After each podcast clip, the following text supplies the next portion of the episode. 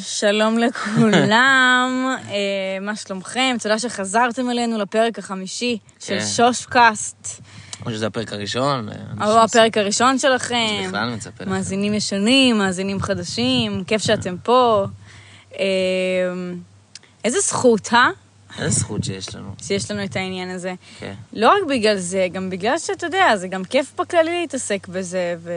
במה, במוזיקה או בפודקאסט? לחקור, לחקור אומנים, לחקור סיפורים מעניינים של אנשים, ואז גם להקליט את זה, זה... כן. זה...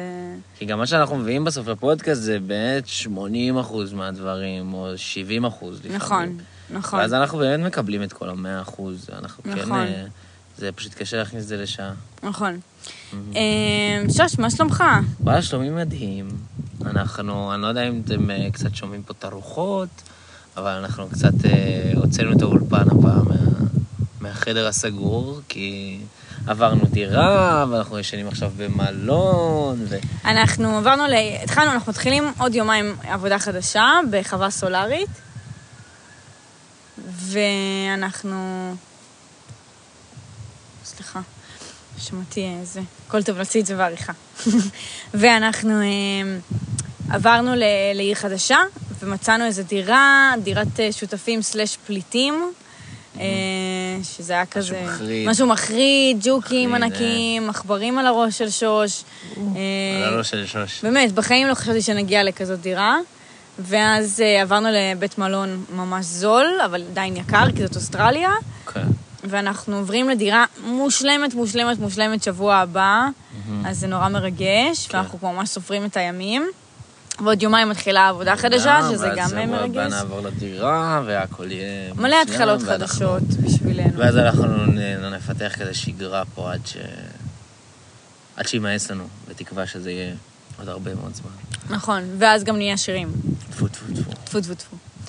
אמ, טוב, אז בואו נצלול לעניין הזה של הפודקאסט, החמישי.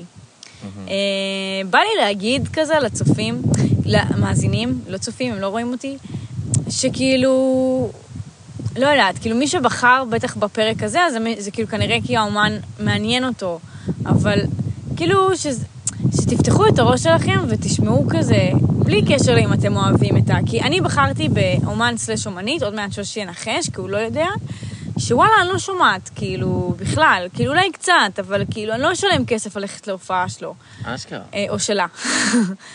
אה, כאילו, אם אני אקבל כרטיס, בטח, בכיף, מה, מגניב, אבל, שמחה גדולה. אבל אתם, מבינים מה אני אומרת? כן. שכאילו, סיפורים על אנשים, אומנים בדרך כלל, זה פשוט יצור נורא, נורא מיוחד ונורא אה, כזה ססגוני וכזה, כאילו, אומן זה מישהו שכאילו, בן אדם סופר יצירתי, וכנראה שיש לו סיפור מטורף, בלי קשר ליצירה שלו, כאילו, אז, אז תמיד מעניין לשמוע על אנשים מעניינים. אה, זהו. כן, אני יכול להגיד, נגיד, שבפרק הקודם שהיה על אינפקטד, שכאילו הרבה אנשים מזדהים איתם, כאילו, עם, אה, כאילו, עם אינפקטד, וכאילו יותר קל להם לבחור בפרק הזה מכולם. אה, ודווקא נגיד אה, חברי היקר תומאס פינסקי, שהוא כאילו פחות אה, בטרנסים, כאילו לא מבין איך זה הולך ואיך זה זה, הוא גם שמע את הפודקאסט, ואז גם המלצתי על לשמוע את וישס דלישס, לשמוע איזה אלבום שלהם.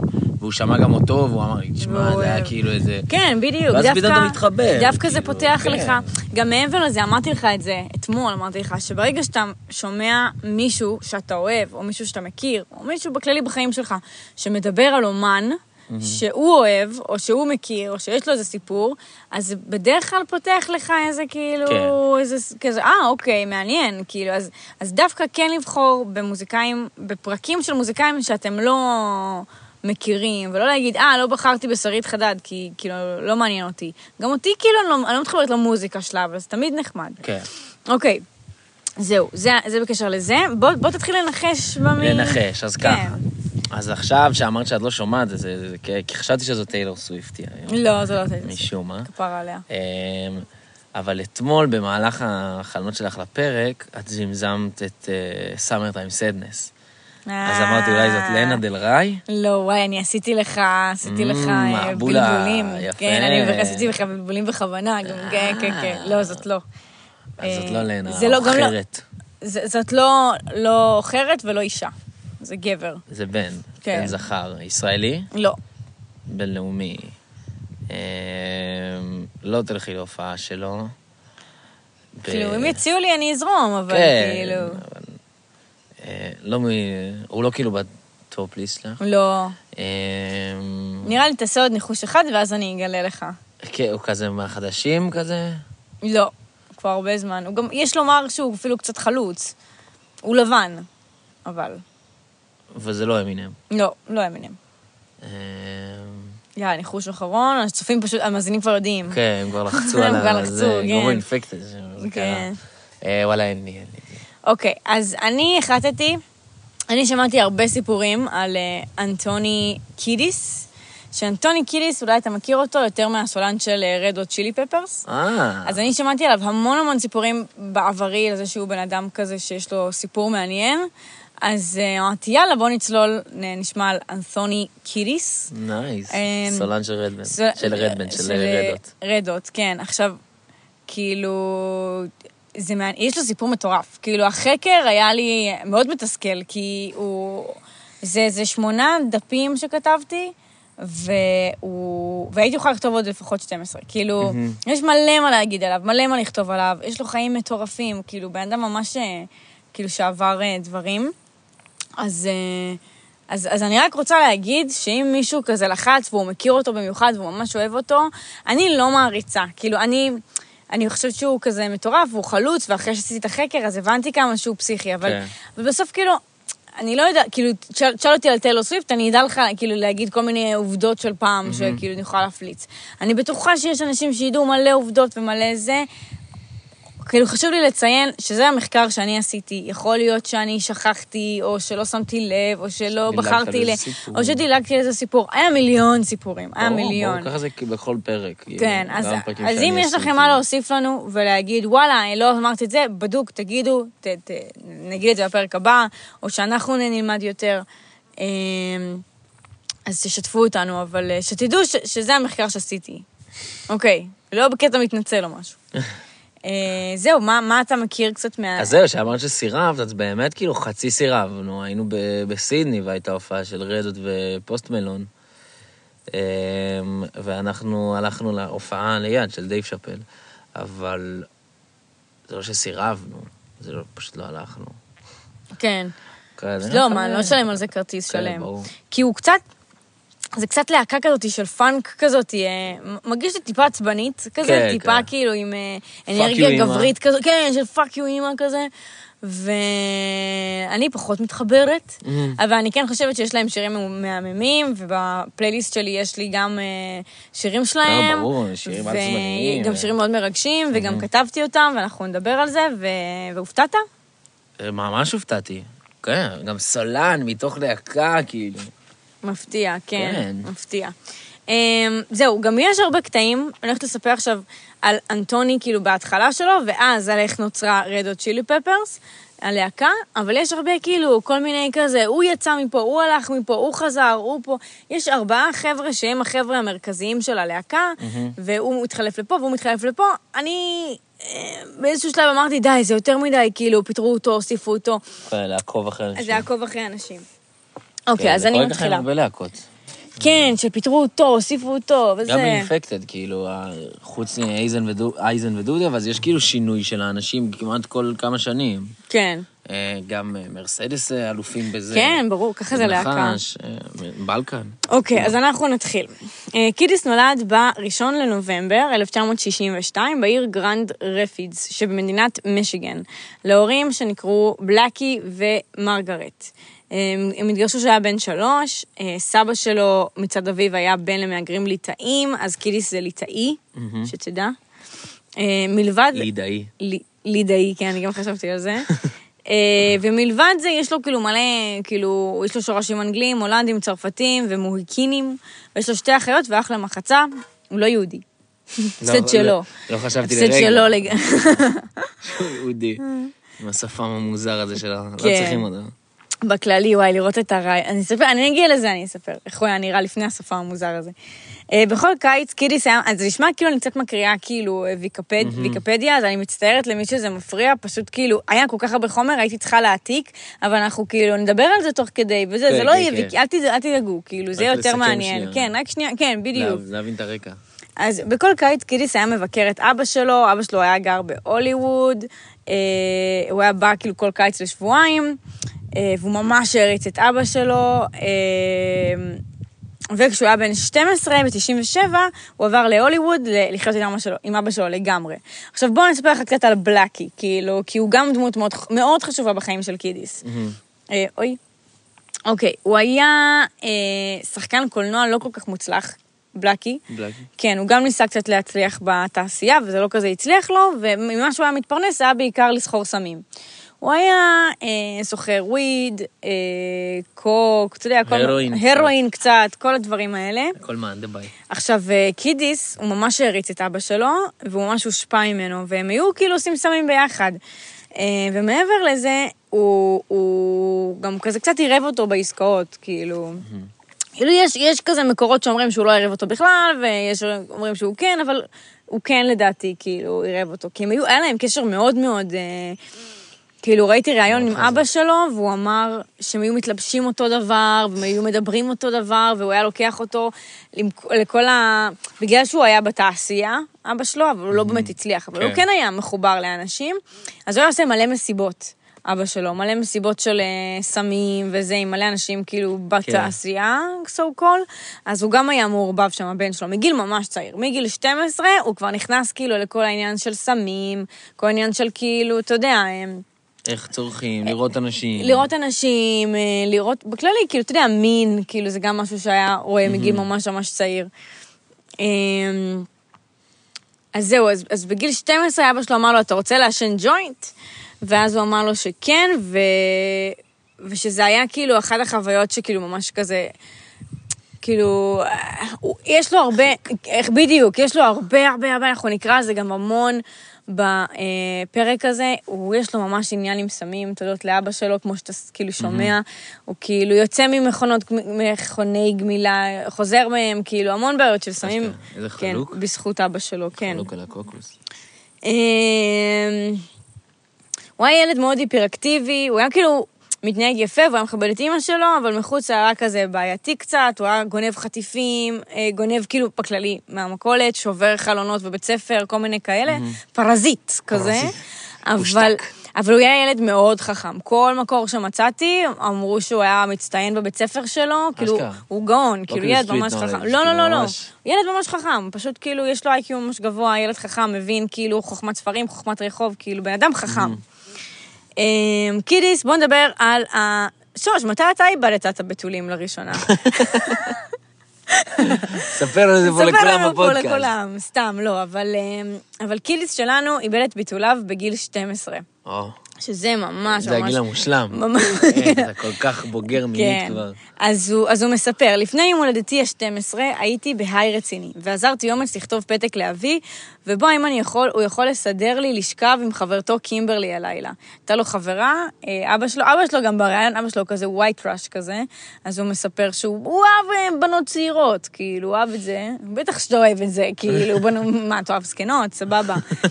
היה מסדר לו עם אה, אה, זה, והוא מספר כי באותו, עוד באותו הלילה הוא היה מתוח, אך קימברלי נהגה בו בעדינות, הדריכה אותו ועשתה את כל העבודה. והוא אומר, אני לא זוכר אם האקט לקח חמש דקות או שעה, הזיכרון קצת מטושטש, אבל אלה היו רגעים קסומים. אני חושבת שזה מזעזע. אני חושבת לא שלשכב. בגיל כל כך מוקדם, כן, ועוד עם חברה של אבא. ועוד חברה של אבא, לא, היא הייתה צעירה מאבא, בגלל זה אמרתי. עדיין, זה כזה- אבל היא עדיין הייתה גדולה ממנו לפחות בוא, בארבע אבא שנים. יסדר לך. כן, בדיוק. משהו דפוק שם, זה דפוק. מאוד מאוד דפוק. כאילו, איך הוא לא יהיה מכור לסמים, או כאילו, או משהו. אין את אבא שלו כמו שאולי כזה. יש לו כזה שיער ארוך כזה, שחור, והוא כזה, כמו ג'ו אקזוטיק אה, כזה. כן, הוא. כזה, לא יודעת, white trash כזה. אה, אוקיי. שוש, מתי אתה עשית סמים פעם ראשונה? סתם. אנחנו לא עושים. סמים. שרון. אז לא, אז, אז קידיס, הוא התנסה בהרואין בגיל 14 פעם ראשונה, אה. שזה נורא נורא נורא עצוב. אה, זה קרה בטעות, בטעות. הוא חשב שזה קוקאין. תשמע, הוא ילד בן 14. הוא- נכון שהוא היה בכל המסיבות של אבא שלו, והוא עזר לאבא שלו למכור סמים, וכאילו, היה לו מודעות לעניין, אבל בוא, כאילו, בסוף, כאילו... הוא בילד בן 14, כאילו, תחשוב איפה היית בגיל 14, תחשוב איזה, איך זה דופק את המוח שלך לעשות סם כזה בגיל 14. כן, אבל מה, קוקאין זה דרך האף, והרואין זה דרך אז לא? הוא חשב שזה קוקאין? כי זה היה מין אבקה לבנה כזאת, אני לא יודעת, אני לא יודעת כן, מה... זה. מה שהיה כתוב בכמה מקומות, שהוא- שזה לא היה בכוונה, הוא לא תכנן לעשות כן. את ההרואין הזה. טעות כזה. הוא... התגלת הוא- כן. התג- אני לא יודעת, לא, אבל אפשר לעשות הרואין גם נראה לי... כן, אולי דרך האף. דרך האף. אפשר גם. או יש- למנוצר. יש, יש דבר כזה שנקרא קוק פרסי, שזה כמו הרואין, כאילו, אני זוכרת שראיתי את זה, סליחה על השאלה, שזה כאילו... לא משנה, עזבו, אנחנו לא פותחים את הסמים, אבל הוא עשה הרואין, משהו שדומה להרואין בגיל 14. Uh, לצד ההשפעה השלילית של בלאקי על קידיס, בכך שחשף אותו לסם, היה לו גם הרבה השפעות חיוביות, הוא ממש רצה שהבן שלו יצליח בלימודים וירכוש הש- השכלה. Uh, זהו, אז הוא כן היה תלמיד טוב, כמו שכתבתי כאן. אה, אה, אה, אה, אה, אה, זהו. בעזרת אביו, הוא... אוקיי, אז בגלל שהוא הסתובב הרבה עם אבא שלו והוא עזר לו עם כל המכירות, אז סתם משהו מעניין, כאילו, הוא היה משתמש בשם במה. הוא כבר אז היה טיפוס מאוד יצירתי, קידיס, והוא לא היה קורא לעצמו, כאילו, אנטוני, הוא היה קורא לעצמו כל דמת, דמת, כאילו... כל דמת. כן, כך הוא היה בדיוק. באיזה גיל זה? 14 עדיין? אה, כן.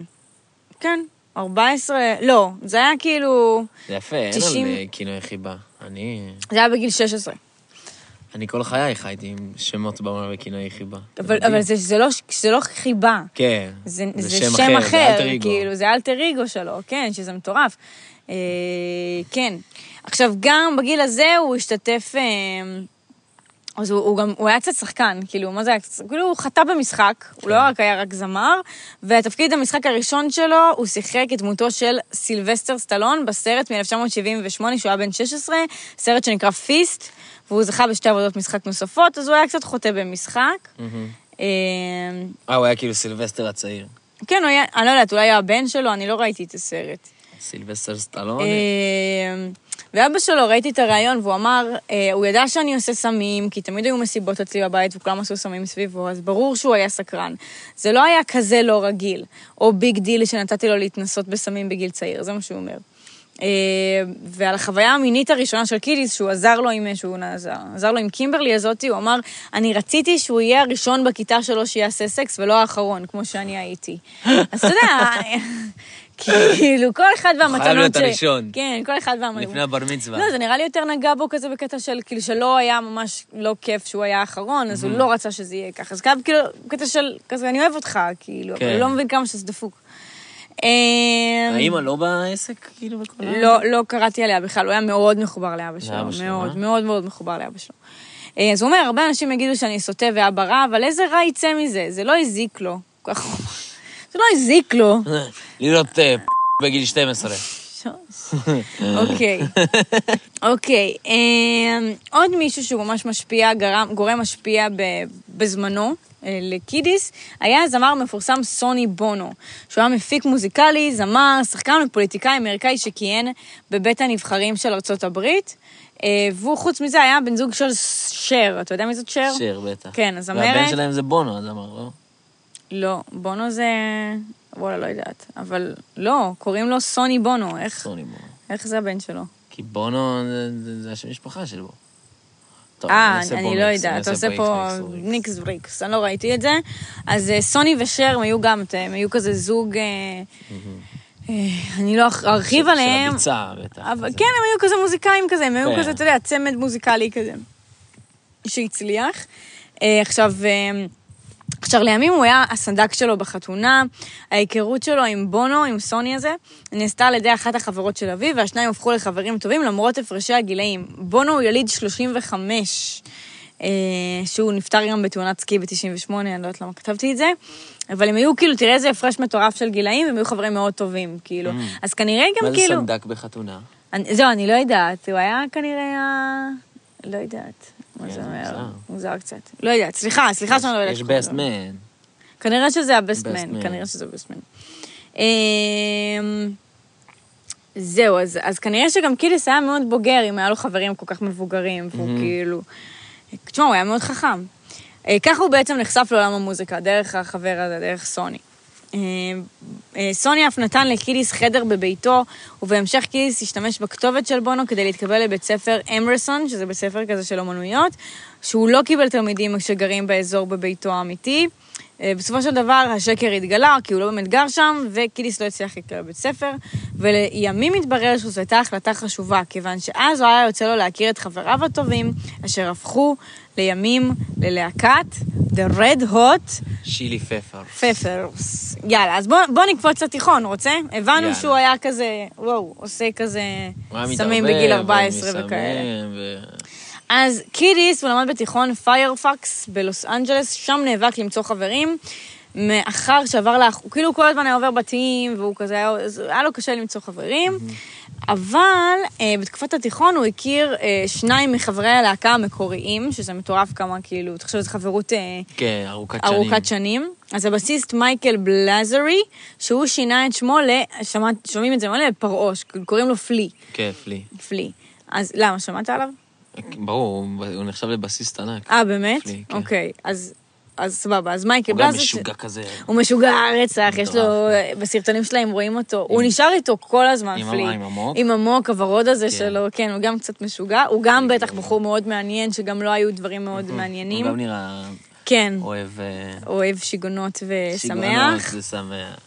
אה, לאחר שיחה קצרה, השניים הפכו לחברים הכי טובים ונקשרו בזמן שישבו זה ליד זה בשיעור נהיגה. אה, אין כמו שיעור נהיגה כדי כן, להכיר אצלנו זה חברים. בבית ספר. כן, נכון, זה בבית ספר. היה לי מוזר, כאילו, כי אני אני שיניתי שיעור נהיגה, היה כתוב משהו אחר, ואז הייתי כזה, אה, נכון, זה היה, כאילו, לא משנה, כן. כן. אה, קידיס נזכר. אה, נמשכנו זה אל זה על ידי כוחות השובבות והאהבה, והפכנו כמעט לבלתי נפרדים. שנינו היינו מנודים חברתיים, מצאנו אחד את השני, והתברר שזאת החברות הארוכה ביותר בחיי. קידיס הפך להשפעה משמעותית על, הפ... על פלי, וחשף אותו למוזיקת רוק, במיוחד פאנק רוק. ובגיל 15, בזמן שקידיס ופלי קפצו עם... אה, אוקיי, בגיל 15, הם עשו מלא שטויות, הם... פאנק רוק. אה, פאנק רוק, סליחה. אוקיי. לא, כי יש הבדל. פאנק רוק זה צעקות, ופאנק זה כאילו, זה זה כיף. אה, נו, אבל אולי זה פאנק רוק. אבל... כי המוזיקה שלנו זה פעם, פעם, פעם, לימים פעם, זה- זה אוקיי. לפחות להתחלה, את יודעת. בסדר, אבל עכשיו אני יודעת את צרחות ההבדל. וגיטרות ו distortions. כן. אה, בגיל 15 קידיס ופלי היו עושים הרבה שטויות והם קפצו מבניין לתוך בריכת שחייה. קידיס פספס את הבריכה והוא שבר את גבו. עכשיו, עוד משהו אה, ממש כיף על הפודקאסט הזה, שקידיס הוא חתיכת בחור באמת רקלס, כאילו, אתה יודע כמה דברים הוא שבר, כאילו, כמה פעמים היו צריכים להפסיק את הסיבוב הופעות שלהם, כי הוא שבר איזה, כאילו, גב או צלע, או... או... אז אנחנו נשמע על זה עוד הרבה. אה. החבר השני שקידיס פגש זה הלל סלובק, שבטח שמעת עליו. הלל. הלל זה שם ישראלי, הוא אה, הכיר אותו בגיל 15, הוא ישראלי, שמצא, באחד המקורות היה ישראלי משלנו, שמישהו כתב. ישראלי שעד ילדותו המוקדמת העביר בחיפה ועלה בגיל 4 לארצות הברית. מה משלנו? משלנו? כן, הוא היה בגיל 4, פשוט קוראים לו הלל, אבל הוא בטח הכי אמריקאי שיש, כאילו. אמ, קידיס העריץ את הלל בתוך, בתור אדם ובתור מוזיקאי, ובילה ימים רבים מבית משפחתו של הלל. שם כנראה הוא מצא מין מזור נפשי ודמות משפחה נורמטיבית ונו- ותומכת, מה שלא קיבל ממשפחתו, ש... כמו ש... ש... שאנחנו זוכרים. אמ, שזה אולי שלנו, שאפשר לקחת עליו בעלות, כאילו, על משפחתיות. כן, נכון, שנכון. אבל אני לא יודעת, יכול להיות, גם, לא יודעת, הוא עלה בגיל ארבע לארץ, כאילו, אני לא יודעת כמה המשפחה שלו היא הייתה ישראלית ב... ב... כאילו, אתה מבין? כן, תכלס. אבל לא, עובדה שהוא מצא שם משפחתיות. אני לא יודע אם כן, אבל ישראליות, יש גם משפחתיות אמריקאית, או... כן, תכלס. אוקיי. גם לנצח את המשפחתיות שלו זה די קליל. כאילו- כן, צריך, ברור. שיהיה אוכל על רק השולחן. שיהיה אוכל על השולחן, וזה, כן, לגמרי. זה לא יהיה הרואינוס. נכון. אז, אה, אז קידיס התחיל לעבוד עם, אה, עם פלי ועם אה, קיי, אוקיי, עוד מתופף שקראו לו ג'ק איירונס, אנחנו נשמע עליו עוד הרבה. ג'ק איירונס, אה, והוא כאילו תיארו אותו בתור כזה אמן, אה, כאילו היה לי קשה לתרגם את זה, אבל כאילו, אה, כאילו, אתה יודע, כזה בן אדם סופר יצירתי, מצחיק כזה, אוהב, לש... אוהב להיות ליצן החצר, אוהב להיות, הוא, הוא היה טוב עם הקהל, הוא היה כריזמטי, אז הוא היה מין כזה, כאילו, כזה, יודע איך כזה... כן, איך להניע את האוכל. להניע, בדיוק. זה היה כאילו, אוקיי, איירונס וסלובק, שסלובק זה הלל, החלו לנגן יחד בתיכון בזמן שהופיעו בלהקה שנקראת Chain Reaction. אה, הקבוצה כללה אז את הבסיס תום סטרסמן. יהיה, יהיה, יהיה הרבה name dropping, אבל תנסה להיזכר בהלל, בסלובק כאילו, באיירונס וב... ובפלי. כאילו, אלה החזקים, כאילו. אמ, ואת הסולן והגיטריסט יליד הצ'ילה אה, אלן יוהנס. אה, סליחה. הסולן והגיטריסט יליד צ'ילה, אלן יוהנס. סליחה, יצאתי אבלה. הרבה, הרבה, שמות יש כאן. אוקיי, שסטרמן התכוון להיות עורך דין, הוא עזב את הלהקה כדי לשמור על ציונו ולהתמקד בקולג', איזה חנון.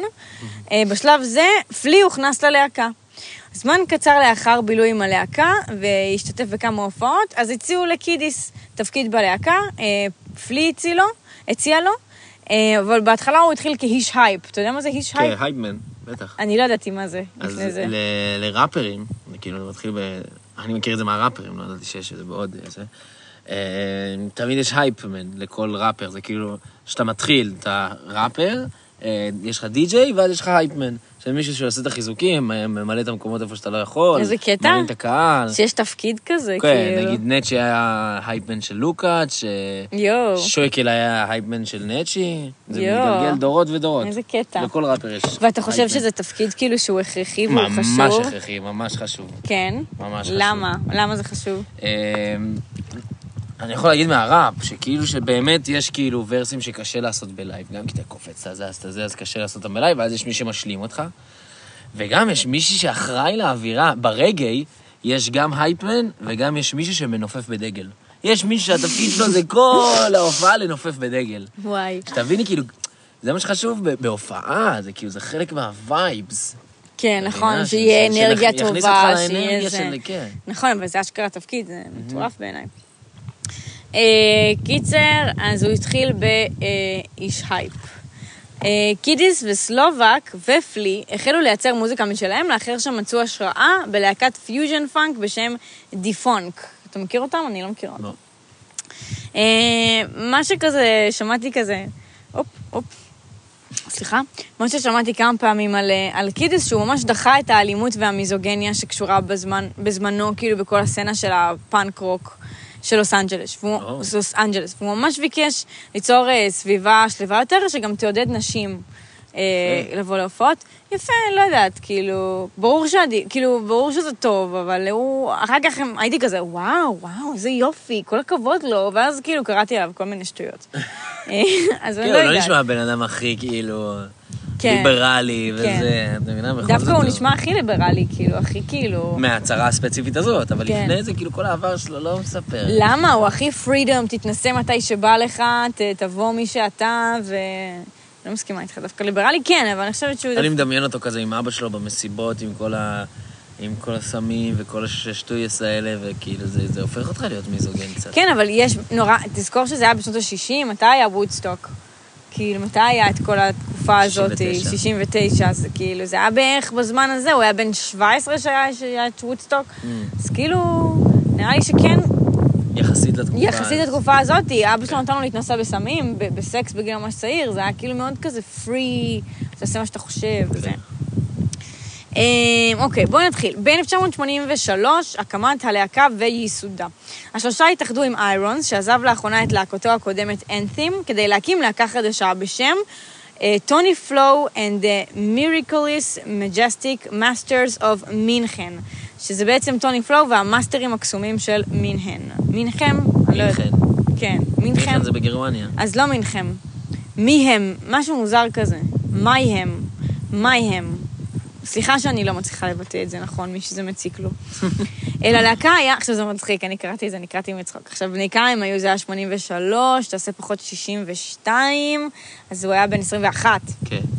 איזה ילדים דבילים דבילים. בגיל 21. שלא הלכו לקולג' כאילו, הם הכי... אז ללהקה הייתה רק שיר אחד, רק שיר אחד ללהקה הייתה, שקראו לו Out in LA, והיא הוקמה במטרה להשמיע את השיר הזה פעם אחת. זה היה כאילו הקטע שלהם. זה, הם לא, לא, לא עכשיו כאילו להקה, כאילו אמרו בוא נכתוב שיר אחד, נשמיע אותו פעם אחת, וזהו, וזה כאילו. מתפרק? לא יודעת אם מתפרק, אבל היה להם רק שיר אחד. השיר התבסס על סולו גיטרה, שסלובה כתב תוך כדי ג'ימג'ום עם איירונס, ולא היה אמור להופיע, להפוך לשיר אמיתי, עד שקיידיס התחיל, ל, ל, החליט שהוא כזה מתחיל לרפרף כזה על המנגינה, על המוזיקה כזה, שהוא ממש טוב בזה, מי שמכיר אותו אפילו קצת. כן. הוא כזה, יש לו כזה קול מאוד כזה, כאילו כזה, לא יודעת איך להסביר, אבל... בשיר אה, The way I נו, jumped. נו, נו. אז שם יש לו קטע ממש ראפ, כאילו, כל כן, דבר כן, כן. אה, חברי הלהקה התבקשו על ידי חברו של קידיס, מייק צ'סטר, לחמם עבור להקתו מייק Neighbor's, Neighbor's Voices. הם היו צריכים, הוא ביקש מהם שיחממו אותם, אוקיי? את הלהקה שלו. ב Rhythm Lounge, שזה היה כנראה איזה בית מלון או איזה לודג' גדול או לא יודעת מה. ההופעה הייתה עבור, אוקיי, וקידיס מספר שההופעה הזאת, אפילו שזה היה רק חימום, זה היה ממש משנה בשבילו, כאילו, משנה חיים, הוא כאילו הבין שזה מה שהוא רוצה, זה, הוא קיבל איזה הערה שם, הבין שזה מה שהוא רוצה לעשות, שהוא נהנה מזה ממש, שזה כאילו, ככה הוא רוצה להמשיך את החיים שלו אה, בתור מוזיקאי. זה היה ממש כאילו איזה רגע כזה כן. מכונן. אמ, בעקבות ההופעה הראשונה של הלהקה, ברידם לודג' הזה, הבעלים של הבר ביקש, כנראה הם היו ממש טובים, אני לא יודעת למה, אני, אני ראיתי את... הם באו לעשות שיר אחד? כן, באו לעשות שיר אחד, אבל היה להם משהו כאילו ממש... אה, כן, צ'יינים, יש להם וייבס. בגלל זה. אמרתי שהוא חלוצי, כי היה להם איזה משהו כאילו, גם היו צעירים, אז היה להם מלא אנרגיות, וגם, לא יודעת, היה להם כזה אה, כימיה טובה בין הלהקה, וכנראה זה עבד, כאילו, כנראה זה עבד. בעקבות ההופעה הראשונה, אז הבעלים ביקש מהם לחזור, אבל עם שני שירים במקום אחד. אה, אז ככה, הם, הם הסכימו, ואחרי כמה, כמה הופעות נוספות, גם שם ועוד במקומות, אז הרפרטואר שלהם כבר גדל. יותר, והשם של הלהקה שונה ל-Red Hot Chili Peppers. אני לא מצאתי למה קראו לזה ככה, למה הם החליטו לקרוא לזה ככה. אם מישהו שומע אה, והוא יודע, תספרו לנו, ממש מעניין אותי, אני לא מצאתי. אה, זה, זה כל מה שאמרו על זה, שפשוט כן. כאילו אחרי הלונג' אז הם שינו את זה. אה, הרפ- הרפרטואר של הלהקה גדל לעשרה שירים, כתוצאה מחודשים של נגיעה במועדוני לילה וברים מקומיים. אה, אה, בקיטקאט קלאב, שזה מועדון חשפנות בהוליווד, הם גם הופיעו, היו מופיעים, כמה פעמים הם מופיעים, איזה דבילים הם, שהם ערומים לגמרי, רק עם גרב על האיבר ה- מין כן. שלהם. אה, וזה רעיון שקידיס חשב עליו. כל כך, כל כך רעיון טוב, קידיס, כל כך זה כאילו... מיוחד, מדברים על זה שנים אחרי זה. נכון, נכון, זה מיוחד, אבל זה כזה, או, בנים, זה כזה... אוי, בני. אין להם מוח, באמת, לשים גרב על הבולבול וכאילו כן. לצרוח כזה לרם, למיקרופון, כאילו. אבל זה אה, עבד, הנה, זה כיף. עבד. הלוואי, הלוואי. אה, זהו, אז, אז אני ראיתי את הסרטון של הראיון הראשון שלהם, כאילו, יחד עם ההופעה שלהם, וזה נורא מצחיק. זה כאילו כזה ילדים, בני 22, כזה, קידיס יש לו שיער ארוך, ארוך, ארוך, ארוך, חלק, והוא הופיע עם חצאית, ועם אה, מגפיים, ובלי חולצה, וכולם כזה, והוא צורח כזה, והוא זז בטירוף, כאילו, כזה מין רוקד כזה, מין...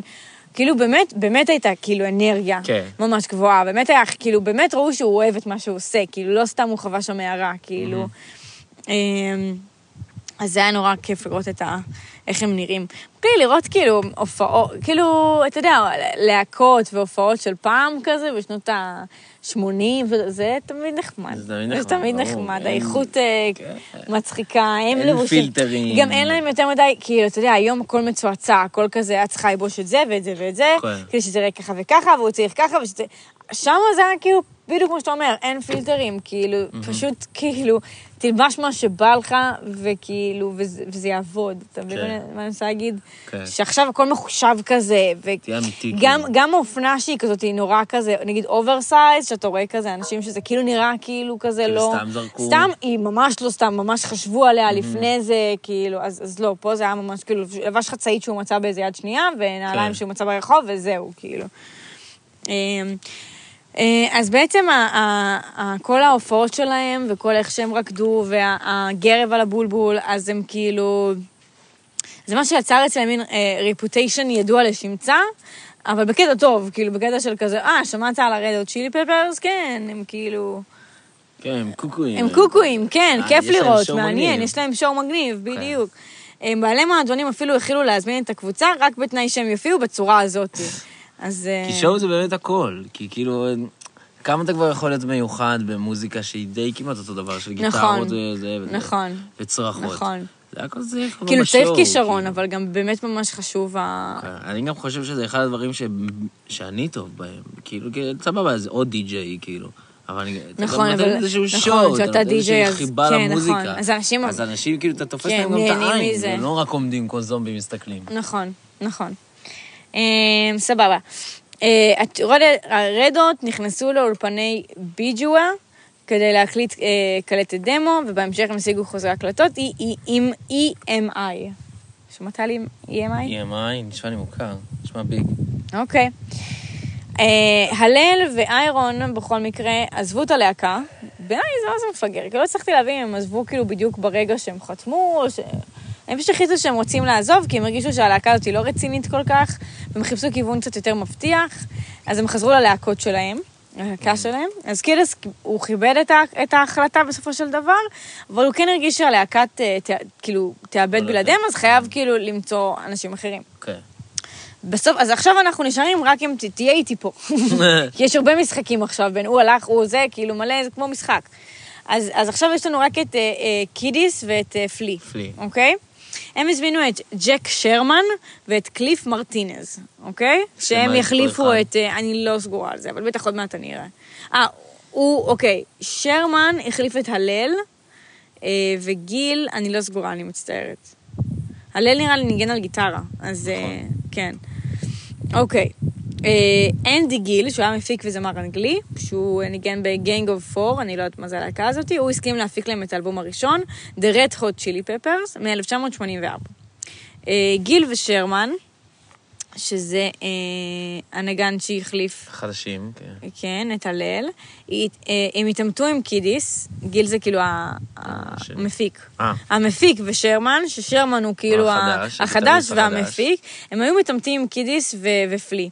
הם כל הזמן התווכחו על סגנון מוזיקה, ועל הסאונד, ועל הפקת האלבום, וכאילו הוא לא הסתדר, לא הייתה כימיה, שזה קורה, זה קורה בין אנשים. כן, זה ממש קשה, מפיק ואומן זה זה קשה.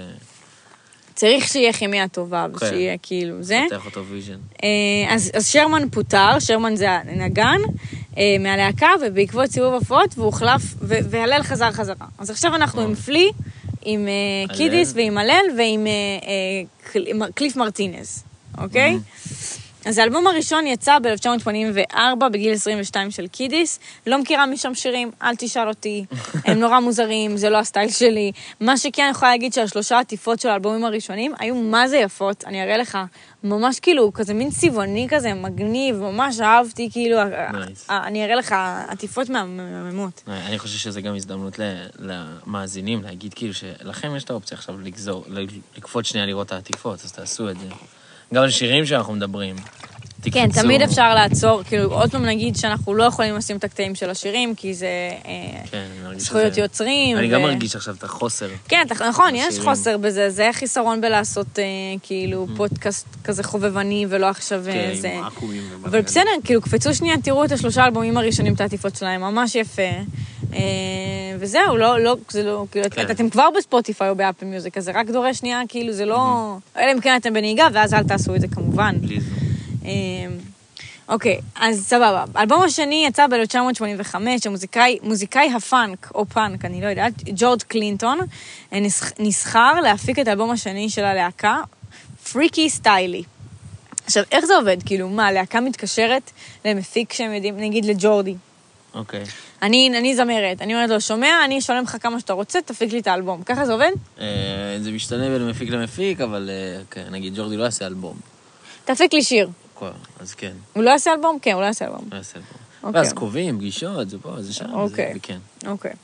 אם יש לו זמן, ואם יש לו רצון גם, את יודעת, כאילו, הוא אומר, טוב, תקשיבו, המוזיקה שלכם לא נוגעת אליי, אין לי איך כאילו לעשות לכם אלבום. אה, אוקיי. זה לא ה vibe שלי. זה לא עניין של כסף. גם. כן, זה- דבר ראשון זה עניין של בחירה מוזיקלית אומנותית. כן, נכון. כאילו, כן, בשביל כן, ה- בשביל נכון. ללחוץ על ה record, זה לא לא צריך מפיק בשביל זה. אבל אתה גם תבחר מפיק ש...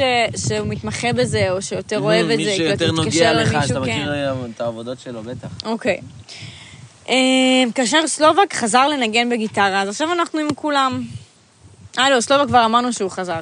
זה הלל, כאילו, הוא כבר חזר. כן. אוקיי. הכימיה החזקה בין קלינטון לצ'ילי פפרס הורגשה מיד. אה, פריקי סטיילי שוחרר באוגוסט 1985, הוא קיבל רק קצת יותר תשומת לב מרדו צ'ילי פפרס, עם 75 אלף עותקים שנמכרו עד סוף השנה. נחמד. כן, תקופה. אחרת, כן, תקופה אחרת, זה לא... שזה עובד רק על מכירת אלבומים, זה לא עכשיו השמעות. כן, נכון.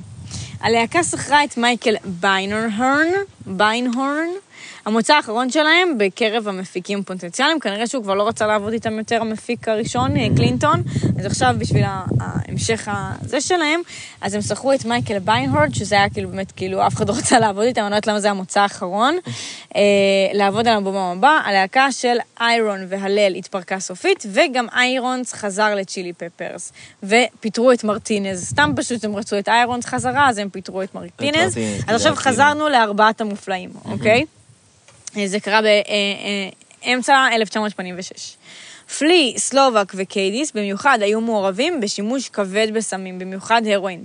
אה, ומערכות היחסים ביניהם הפכו להיות מתוחות. אני מזכירה לך, מדובר על בן אדם שעשה סמים בגיל 14, כן. הרואין, בגיל 12 כבר התחיל ב weed וקוק לדעתי, אה, ואני בטוחה שגם שאר החברים שלו, אז, אז זה לא נהיה יותר טוב. כן. לא נהיה יותר טוב, במיוחד שהם מתחילים להיות, אתה יודע, להקה וזה, ומתחילים להיות יותר מוצלחים. וסיטואציות. אז, אז ברור שהם הם, התחילו להיות מאוד uh, מכורים, כאילו, במיוחד להרואין. Uh, פלי נזכר... בטעות ככה. בטעות, כן. פלי נזכר uh, שזה התחיל להיראות, הוא אומר את זה בריאיון, מאוד מכוער ולא כיף. התקשורת שלנו ממש לא הייתה בריאה. וגם קידיס וגם סלובק נאבקו בהתמכרויות מתישות להרואין. ממש ניסו ל... ל... ל- להיאבק בזה. לצאת מזה, אבל זה פשוט החמיר שהלהקה התכוננה להקליט את The Uplift Mofo Party Plan, שזה האלבום השלישי.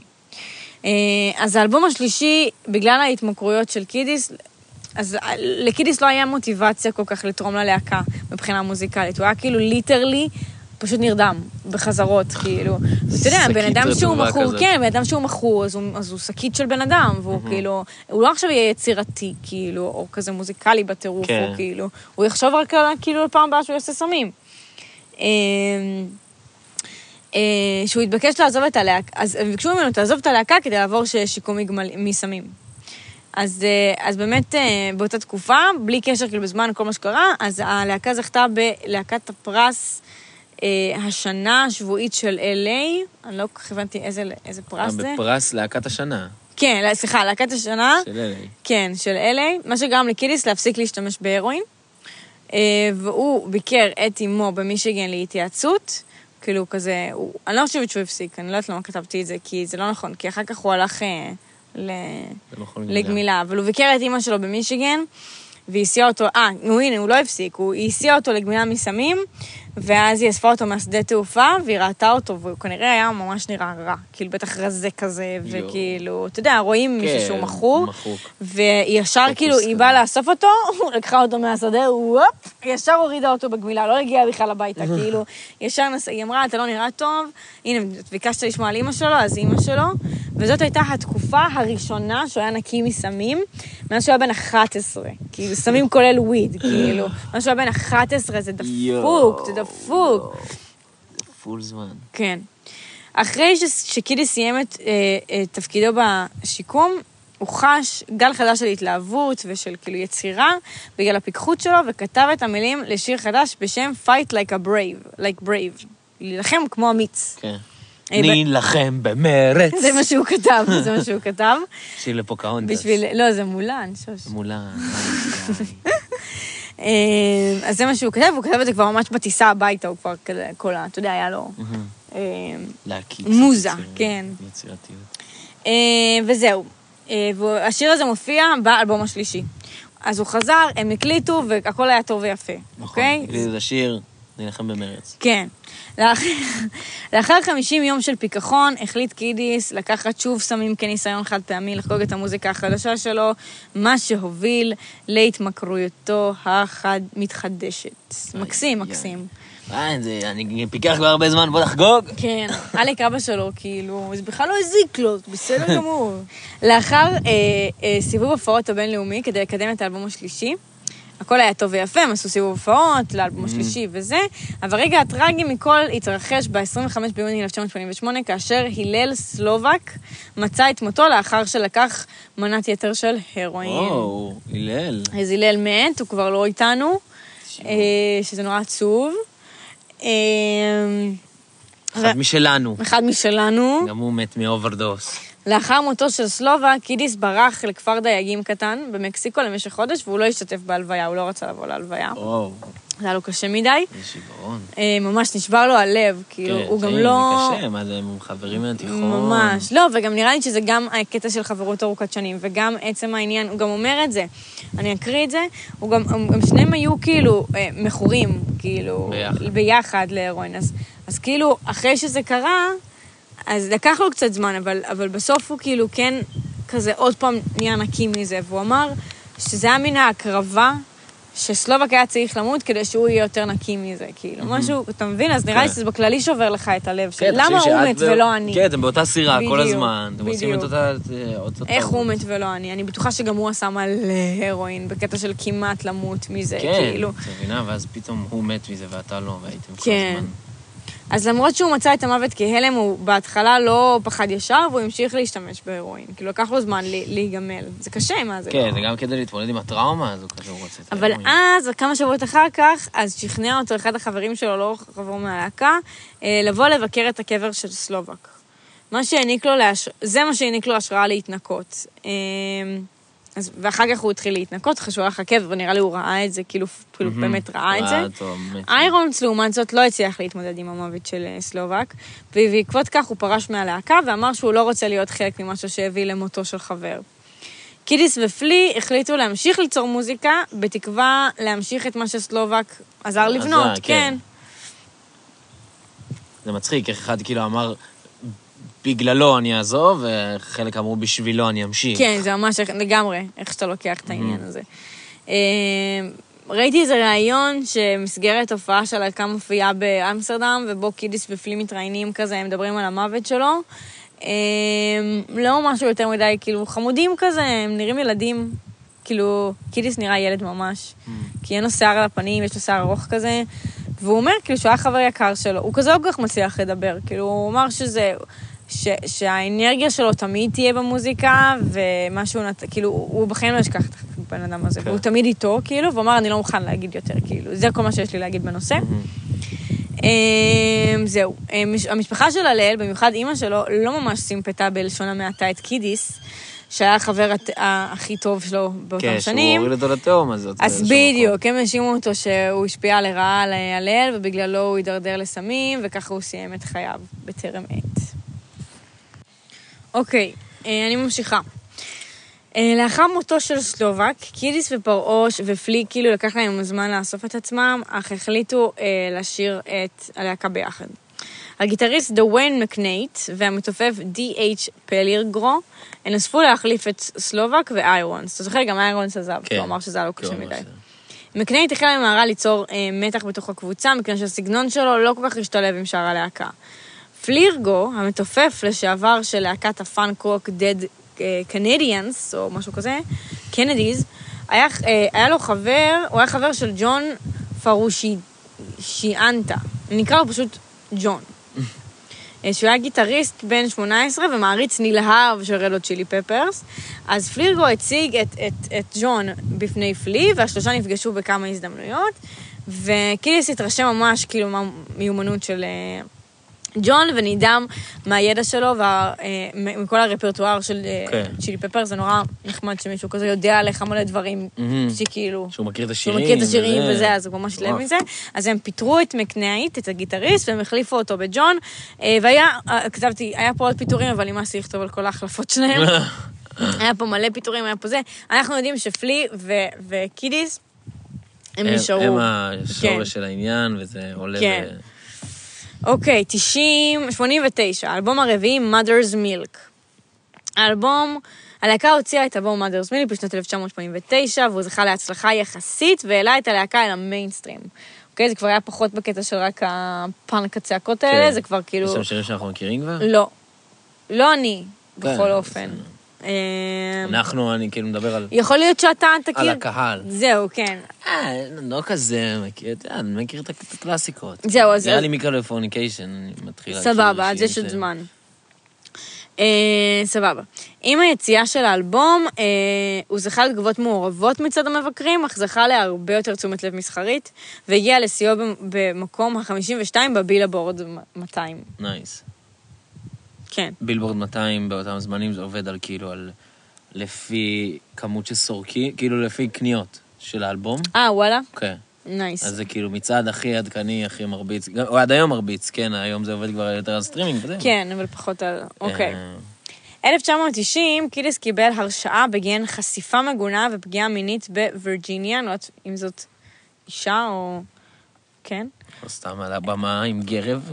כן. פשוט הזמנים התקדמו וזה פחות אה, לגיטימי. לא, נראה לי שזה היה כאילו ממש מול מישהי, אה. אה, קשורה לתקרית באוניברסיטת ג'ורג' מייסון, כי נראה לי וירג'יניה זאת בחורה, במחוז פיירפקס, באפריל 1989, והוא חייב לשלם קנס בשני הסעיפים. אז זה מה שאני אומרת, כאילו, אוקיי, הוא רצה שעוד נשים יבואו, אבל אולי הוא היה פשוט חושף את הפין שלו בפניהם, אז אני לא יודעת איזה מין בן אדם הוא. כאילו, אני, אני לא ממהרת להגיד הוא, הוא אה, כאילו, לא מיזוגן הוא גם רוקסטאר בעצמו. בשנות ה-90. כן, נכון, ברור. נכון, נכון, אתה זה צודק. כאילו, זה הכי קל והכי כיף, ו- נכון. והכי מתקבל על הדעת. נכון. ברוב המקרים. טוב, הלהקה רצתה להתחיל לעבוד ולהקליט את אלבומה הבא, שזה שנקרא Blood Sugar Sex Magic, בס- בסביבה לא שגרתית, מתוך אמונה שזה ישפר את התפוקה היצירתית שלהם. אז uh, המפיק הלהקה, ריק רובין, בזמנו הציע את האחוזה שבה היה גר uh, הקוסם הודיני. Uh, אז הם היו, אז הם הקימו שם אולפן הקלטות, וכך היה, כאילו. אוקיי, ריק רובין הוא אה, גאון. כאילו. אה, ריק רובין זה זה שעשה את... אה, הכל. מה הוא עשה? אה, הוא עשה את... עשה קנדריק, עשה באיגור, הוא היה שותף. ב... וואלה. הכל, הכל, הכל. ריק רובין הוא כן, הוא מפיק... אוקיי. כאילו, הוא חושב כזה מחוץ לקופסה, ואז כאילו... הוא אלוף בלעשות אולפנים בכל מיני מקומות מוזרים. אז הנה, אז כאן זה הודיני, ובאיגור של טיילור, אז הם לקחו איזה וילה בשוויץ בתוך ה... באלפים ועשו ממנה אולפן. יואו. כאילו הוא יושב עם הבן אדם, מבין איזה vibe הוא רוצה, בום, מביא לו כאילו מגניב. fucking... דברים עצומים, באמת, ריק רובין. הוא וואי. אוי, איזה כיף. שהוספת לי ידע על זה. אז כן, אז, אז, אז הוא גם עבד עם רדו צ'ילי פפרס באלבום הרביעי. בהרבה, הוא שם. עבד איתם הרבה. אה, חמישי שם. משם מתחילים כזה, איזה תקופה ביחד, אם אני זוכר נכון. כן. אה, אז, אז הם עברו ל... לא, האלבום הזה, זה- העטיפה שלו שחורה, אם אני לא טועה, יש שם איזה שיר אחד ש... שאני מכיר. אני לא... יודע- לדעתי, לא משנה, לא משנה. נ- כן, סורי. אני לא כתבתי פה על אה, שיר שאני מכירה. אה, יכול להיות שיש כזה, כאילו, אתה יודע, שיש שם... הברקה שתיים. לא, שיש שם שירים שאני מכירה, אבל כאילו, לא בקטע של להוסיף אותם לפלייליסט, שזה כאילו יותר כזה מכירה, אה, שמעתי את זה כמה פעמים, כן. אבל לא כאילו. אה, אז זהו, אז אז באמת כאילו הקימו שם אולפן והם עבדו שם, ובמהלך התקופה קידיס התמקד מאוד בגמילה שחווה, ובכלל בכל התקופה הארוכה שלו עם הסמים והרגשות שחווה מתוך ה... אה, הנה, כן. כן, יש לנו שיר שאנחנו מכירים משם. אה, והחל לכתוב לעצמו כמו מין יומן כזה עם התחושות שלו של איך זה מרגיש לחוות גמילה, ובכללי איך זה, איך זה מרגיש לחוות סמים ולהיות מכור, וכאילו כל המערכת היחסים שלו עם הסם. אה, והמפיק, ריק רובינס, אז אה, הוא נתקל באחד מהשירים של אה, קידיס, שיהפוך למילים של Under the Bridge, שאתה מכיר את השיר הזה. Nice, בוא נחפש צרצר. בוא נחפש צרצר. כן, אז... אה, תשמעו, עכשיו למאזינים, אני אגיד ש... ת- ת- לכו תשמעו את Under the Bridge, ואז ב C part, הוא אומר בוא נחפש צרצר, או בוא נחפש אוצר, אם אתם רוצים, אבל צרצר זה יותר מצחיק. אה, כן, צצה זה יותר מצחיק. והציע לקידיס להראות אותו ישר חברי הלהקה, וקידיס היה כזה, לא רוצה. לא, זה כזה, אני מדבר על הרגשות שלי. לא, הוא חשש כי הוא חשב שזה, זה. כן, שזה רך מדי, ושזה לא יתאים לסגנון של הלהקה. כן, אנחנו בנים! אבל זה לא נכון, כי הוא הראה את זה לפלי או לאחד מהם, ו- והם אמרו כזה, מה אחי? זה אחלה שיר, יואו, בוא נשים את זה באלבום, ואז הם הוסיפו אותו לאלב- לאלבום. אז השיר הזה באמת מדבר על, על סמים, והוא under the bridge, איפה שהוא מצא את עצמו כמה פעמים, מכור לסמים, אז, אז כאילו, ת, תשימו, תעשו סטופ, תשימו אוזן לשיר, ותראו איך זה נשמע לכם עכשיו עם האינטרפרטציה הזאתי. אה, אז זהו, אז השיר הפך מאוחר יותר ללהיט גדול והגיע למקום השני במצעד הבילבורד 100, שזה מטורף, כן. מקום השני, קודם היו ב-52, כאילו, אז זה פסיכי. האלבום היה חמישי. או כן, שזה- אה, לא, פה זה לא, השיר. פה זה רק השיר. מהמם. רבים חושבים שהשיר מתייחס על מותו של סלובק, אך למעשה הוא מבטא את התחושות שעברו על קידיס בעקבות השימוש בסמים. אה, יש כזה סיום הקליפ, רואים אותו כזה רץ במהירות כזה, וזה נודע לבטא, נועד לבטא את הבריחה וההתנתקות שלו מהסם. אני לא יודעת, כאילו מצאתי את זה באיזה מקור שכתבו את זה, ואני לא יודעת כן. מה זה נועד לריצה שלו, אבל קליפ נורא... כן. נורא נחמד. אוקיי, אה, אלבום חמישי, כאשר Blood Sugar Sex Magic שוחרר ב-24 בספטמבר 1991, הוא קיבל תגובה ביקורתית חיובית באופן גורף. האלבום הגיע למקום השלישי בבילבורד הוד 200, ונמכר ביותר 7 מיליון עותקים מארצות הברית בלבד. או, זה כבר מספרים של... כן, זה כבר מספרים... אה, של אמריקנוס. כן. אה, סיבוב ההופעות של האלבום, שלאחר איזה מכן... גרפס שהוא מבט פה. שוט. כל היער פה התמלא בריח של שום. עשיתי לעצמי, נו. אוקיי, אפשר להמשיך לחזור כך אפשר, התכנסנו, כזה או להמשיך לדבר על הגרפסים שלי? אוקיי, אז אה, סיבוב ההופעות של האלבום שלאחר מכן זכה לשבחי הבקורות. הצ'ילי פפרס ביצעו בדרך כלל הופעות עם יותר מ-20 אלף נוכחים. אני לא יודעת אם זה הרבה, כאילו, בזמנו זה הרבה? 20 אלף נוכחים בזמנו? מה, 20 אלף כי הם כאילו אמרו, היה כתוב כזה 20 אלף fucking נוכחים, אז הייתי כזה, אוקיי, זה אומר שזה הרבה? זה כאילו, הרבה. כן, זה הרבה. להופעה של בן אדם אחד? בטח, זה הרבה. זה לא הופעה של- צ'ילי פפר, של להקה. זה, של דקה. כן, זה הרבה. אוקיי. אוקיי, אז 20 אלף fucking נוכחים. זה אוקיי? פארק ירקון. פארק הירקון, 20 אלף אנשים? מפוצץ, פארק ירקון מפוצץ.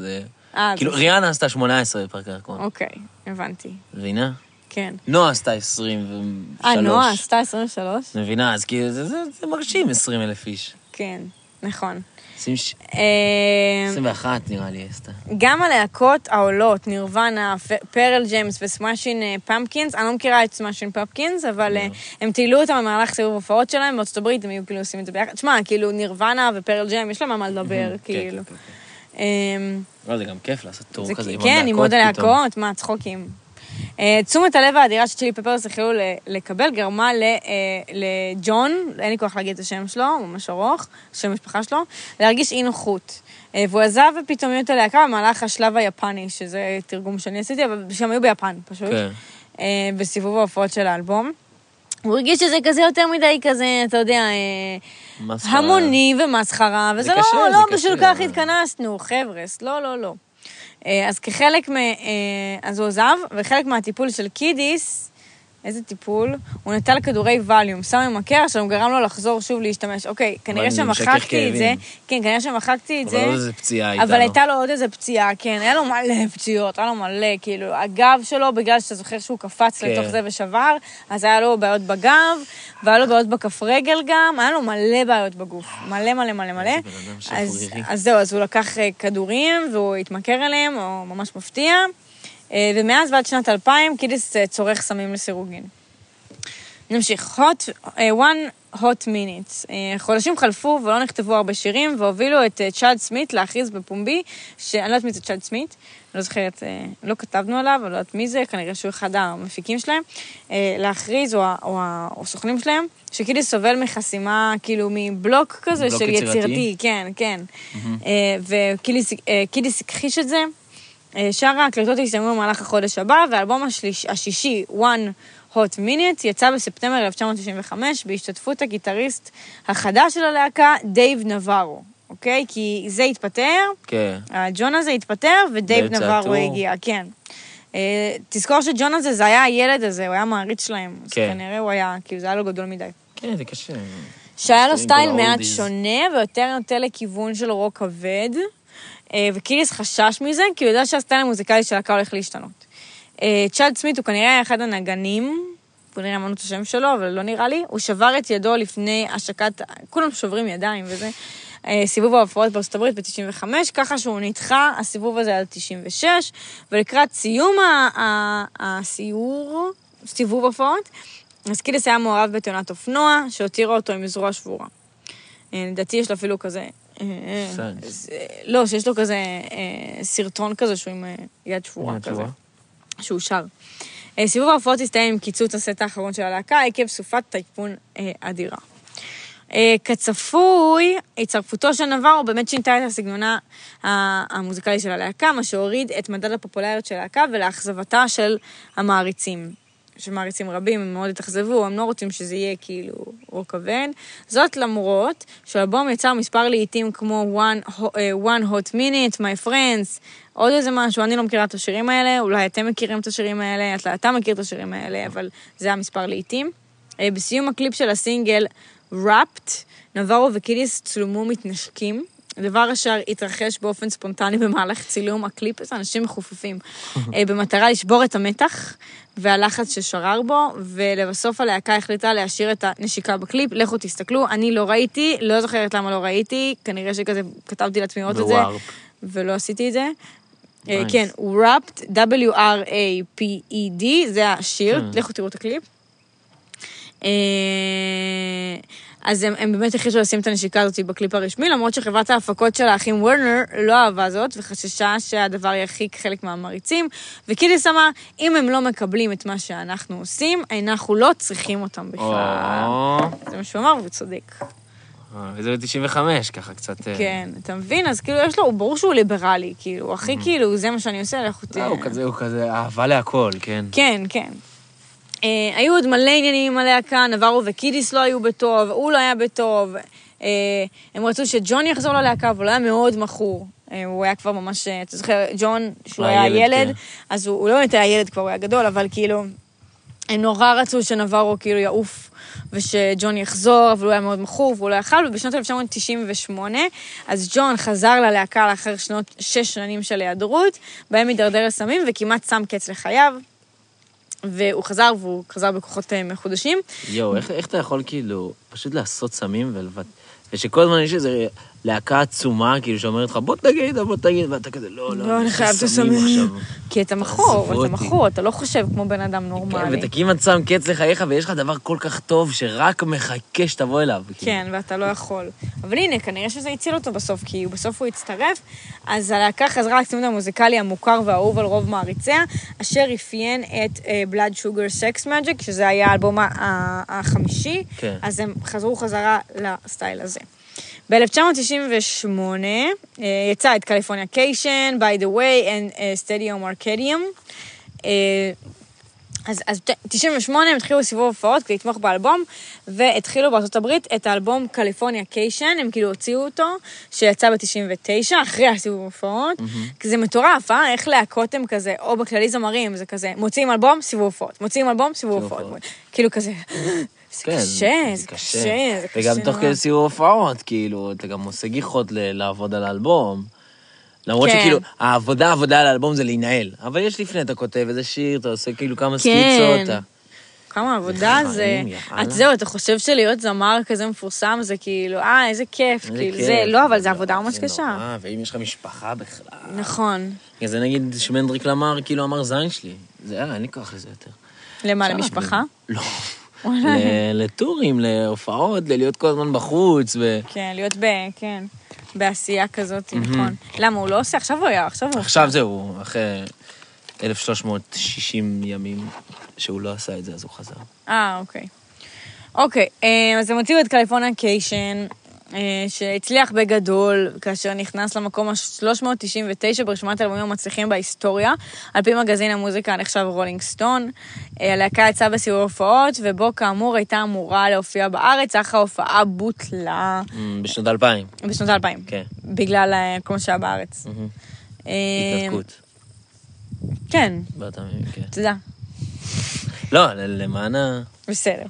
אה, שירים. מהאלבום של קליפורניה קיישן שאנחנו אוהבים זה קליפורניה קיישן כמובן, שזה שיר מעולה.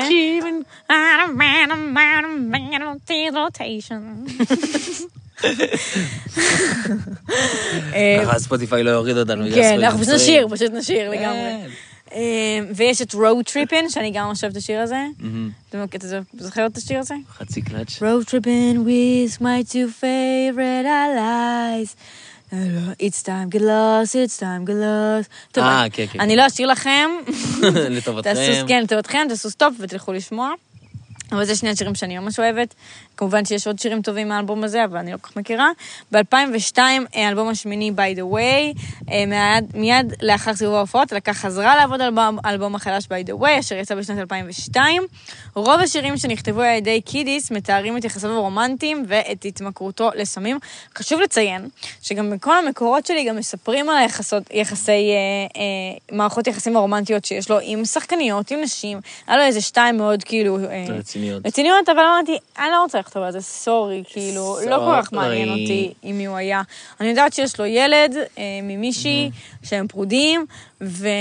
וכאילו, הייתי יכולה לכתוב כזה על המערכת יחסים הרומנטית שהייתה לו עם זאת וזאת, אבל לא כזה אכפת לי. אה, לא כזה קריטי. אה, זהו, אז הוא סיפר על ההתמכרויות שלו בסמים ב-by the way, ולאחר מכן הלהקה יצאה להפסקה עד צאת אלבומה, Stadium Arcadium. זה, האלבום, אני חושבת שאני מתבלבלת בשם, אבל אה, הם יצאו ב-2006. כאשר עוד, אה, עוד קשר ישראלי מגניב ללהקה, חוץ מהליל הסלובק, זה ש... אה, באלבום הזה של סטדיום ארקדיום, אז היה, אה, היה שיר שהם הוציאו שנקרא צ'ארלי, והם אה, ביקשו לעשות כזה תחרות קליפים. הם אמרו כזה למעריצים, תשלחו לנו קליפים שאתם חושבים שיהיו טובים לשיר, ואנחנו נחליט מה יהיה הקליפ הרשמי, ומי זכה? כמובן ישראלים, ישראלים הכי טובים. אה, עמרי כהן, קוראים לו השם הכי בנאלי בעולם. אה, שקרה, לא, לא, אני לא מכיר את ה... כן, אני גם לא יודעת מי זה.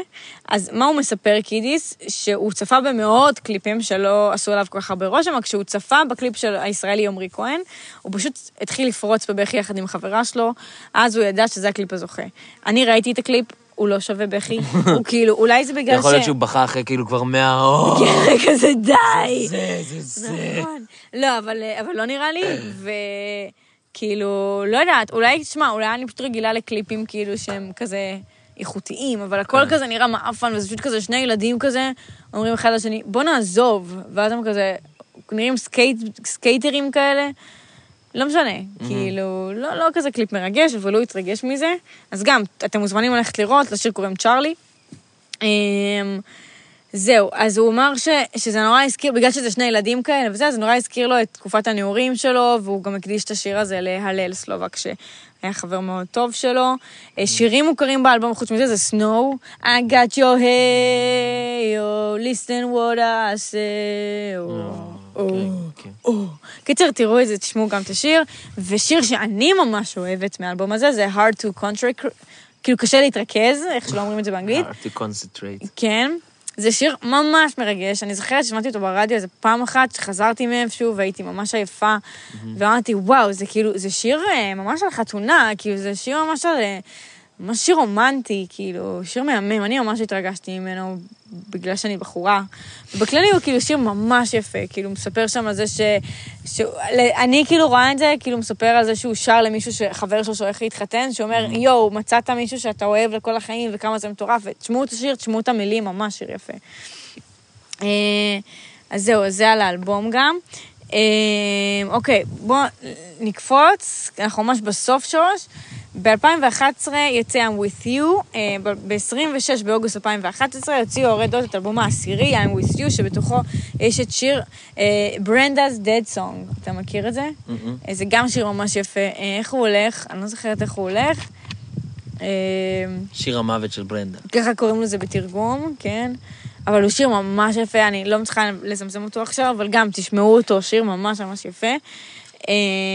אה, וב-7 בדצמבר 2011, Red Hot נבחרו ב-2012 להיכל התהילה של הרוק אנד רול, אה, וקיליס אמר שזה מאוד מרגש, והאדם הראשון שסיפר לו הוא היה אביו, הוא סיפר לאבא שלו שהוא ממש בכה, שהוא עדיין בקשר טוב, אז תמיד. נחמד לשמוע. כן, שהוא וברי עדיין. ברי? ו... בלקי. בלקי, כן. סליחה. וב-11 בינואר 2012, הצ'ילי פפרס, סליחה, הודיעו שהם נאלצו לדחות את הסיבוב ההופעות שלהם בארצות הברית, I'm with you, בגלל פציעות מרובות בכף הרגל שסבל קידיס. כמובן, קידיס נאבק בפציעות בכף הרגל מאז 2006, כאשר נפצע אה, על הבמה. הוא כזה השתולל שם ונפצע. בסוף הוא הצליח לעבור ניתוח במהלך ההפסקה בסיבוב ההופעות של הלהקה ב-2012. ובכללי יש לו הרבה תאונות וכאבי גב ופציעות וחרטה ברטה. הניתוח נגמר, סיבוב ההופעות נגמר באפריל ב-2013, וכלל בתוכו את הופעת ההאף טיים עם ברונו מרס בסופרבול. אה, נכון. כן, הם הופיעו ביחד. עשו אהבת ב-2014, שואו. כן. אז הם הופיעו ביחד. ראית את את ההופעה? ראיתי. היא טובה? אה. כאילו, אנחנו לא כזה... אני- כי אני ראיתי את, כאילו את כל הטופ 10 של ההופעות, ואז כזה... כן, היא לא מהטופ 10. היא לא מה... לא, היא כן מהטופ 10, כי אין יותר מדי... היא לא מהטופ 2. אה, כן. כי יש בלק אייד פי שזה חרדה אוי, של דבר. שזה מזעזע. זה נורא. אתם, תקשיבו, תעשו פאוז עכשיו, ותלכו לראות את ההופעה של בלק אייד פיז בסופרבול, זה וואי, פשוט זה יגרום לכם להקים, באמת. ממש זה עצוב, ממש. עצוב, ממש עצוב. אה, העולם וב-2016 עד ה-present הם הוציאו אה, עוד שלושה אלבומים, Health Scare, The Getaway ו... Unlimited Love. אה, לא כתבתי עליהם שום דבר, כי לא היה שם משהו מיוחד, כן. חוץ מזה שהם הוציאו את זה. Unlimited אה, Love זה ממש חדש. כן, ממש חדש. שנה שעברה, כאילו. אה, זהו, הוא שיחק בכל מיני סרטים גם, כזה, אה, איך קוראים לזה? חוף המפרץ? כאילו... Baywatch. Baywatch, אז, אז לא ב-Baywatch, מפרץ. כן, אבל באיזה משהו גם של גולדשים, אז רואים אותו לאיזה דקה וזה נורא מצחיק. והוא שיחק בכל מיני דברים, וכזה תפקידים ממש קטנים. יש לו בן והוא טבעוני. אה, הבן שלו טבעי. לא, הוא טבעוני. אה, הוא טבעוני, אה, והוא גם, הוא ממש אחלה בחור, הוא גם תורם מלא כסף, והוא כזה מתנדב למלא דברים, הוא כאילו... אה, אני אוהבת אנשים מפורסמים שהם תורמים את הכסף שלהם לדברים חשובים. אני לא זוכרת למה הוא תורם אותם, אבל ראיתי כזה מלא מקומות שהוא תורם. וב-2004 הוא הוציא אוטוביוגרפיה על עצמו שנקראת סקאר טישו, שהיא זכתה להמון כאילו הצלחה בארצות הברית. אנשים ממש כזה קנו את זה אה, בטירוף. או סדרה? הוא כתב ספר. אה, ספר. ספר על החיים שלו. אה, וזהו, ראיתי כמה רעיונות שלו, הוא מאוד חמוד. הוא ממש כאילו, הוא לא מזיק. אה, היה לי, היה לי מאוד מיוחד לעשות עליו, כי... כן, לשמוע גם שהיה לו איזה רק מקרה אחד, עם כמה שזה נורא, כן? שהיה לו מקרה אחד... לא, אבל יכול להיות שהיה לו עוד, אתה לא יודע אם היה לו Mm. יותר הטרדות מיניות, אי אפשר לדעת, אבל, אבל כן ברעיונות שלו הוא נורא נחמד, והוא חמוד, והוא מופיע כבר הרבה זמן, ו, והוא סיפר על זה שזה שהוא כאילו אבא, זה ממש שינה לו את התפיסה אה, לסמים, ובכללי כאילו על החיים, ולא יודעת, הוא, הוא חמוד כזה. אה, אדם גם חתיך. עם השפם? עם השפם. מה, הוא כזה רוקסטאר כזה, לא יודעת, כן, כאילו, יש לו קטע. כבר, אה, זקן, בסדר, זה לא אומר שהוא כן. לא חתיך. סליחה. אה, וזהו, אני מקווה שנהנתם. אני, היה לי מאוד מאוד כיף לעשות עליו את המחקר. כן, היה ממש כיף היה לה הפרק רגעים הזה. של, אה, שהייתי כזה, יואו, איזה צחוקים, היה להם רק שיר אחד, והם הופיעו איתו, והיה לי כזה קטעים מצחיקים. אה, וזהו, ואם אתם יודעים עוד דברים, אז תספרו לנו כמובן, אני בטוחה שיש, כאילו, אני בטוחה, מאה אחוז שיש עוד דברים. פשוט כזה צמצמת ל... כן, צמצמתי. כן, צמצמתי. בריאות. ואם בכללי יש לכם איזה, כאילו אמרנו משהו שהוא לא נכון, או שאתם לא לא מסכימים עם איזה. משהו שעשינו, אז כמובן, תמיד להגיד. אז תודה ממש ששמעתם, ואנחנו ניפגש. תודה לך, שושי. תודה רבה. היה לי ממש כיף, אני נורא אוהבת את תודה שושקאסט. רבה שוב להילי על העטיפה. תודה רבה שוב להילי על העטיפה. נגיד אנחנו- כל פרק. כל פרק, תודה רבה להילי. אה, אה, וזהו, אנחנו ניפגש שוב ביום רביעי. לפרק. חדש, שבוע הבא ששושי יעשה. אה, אז אני נורא מתרגשת. ותודה רבה שאתם שומעים לנו, ושיהיה לכם אה, המשך נסיעה טובה. נסיעה, נסיעה, שטיפת כלים, נכון. אם אתם ככה באמצע. האזנה סתם רגילה. יאללה, ביי. ביי. ביי.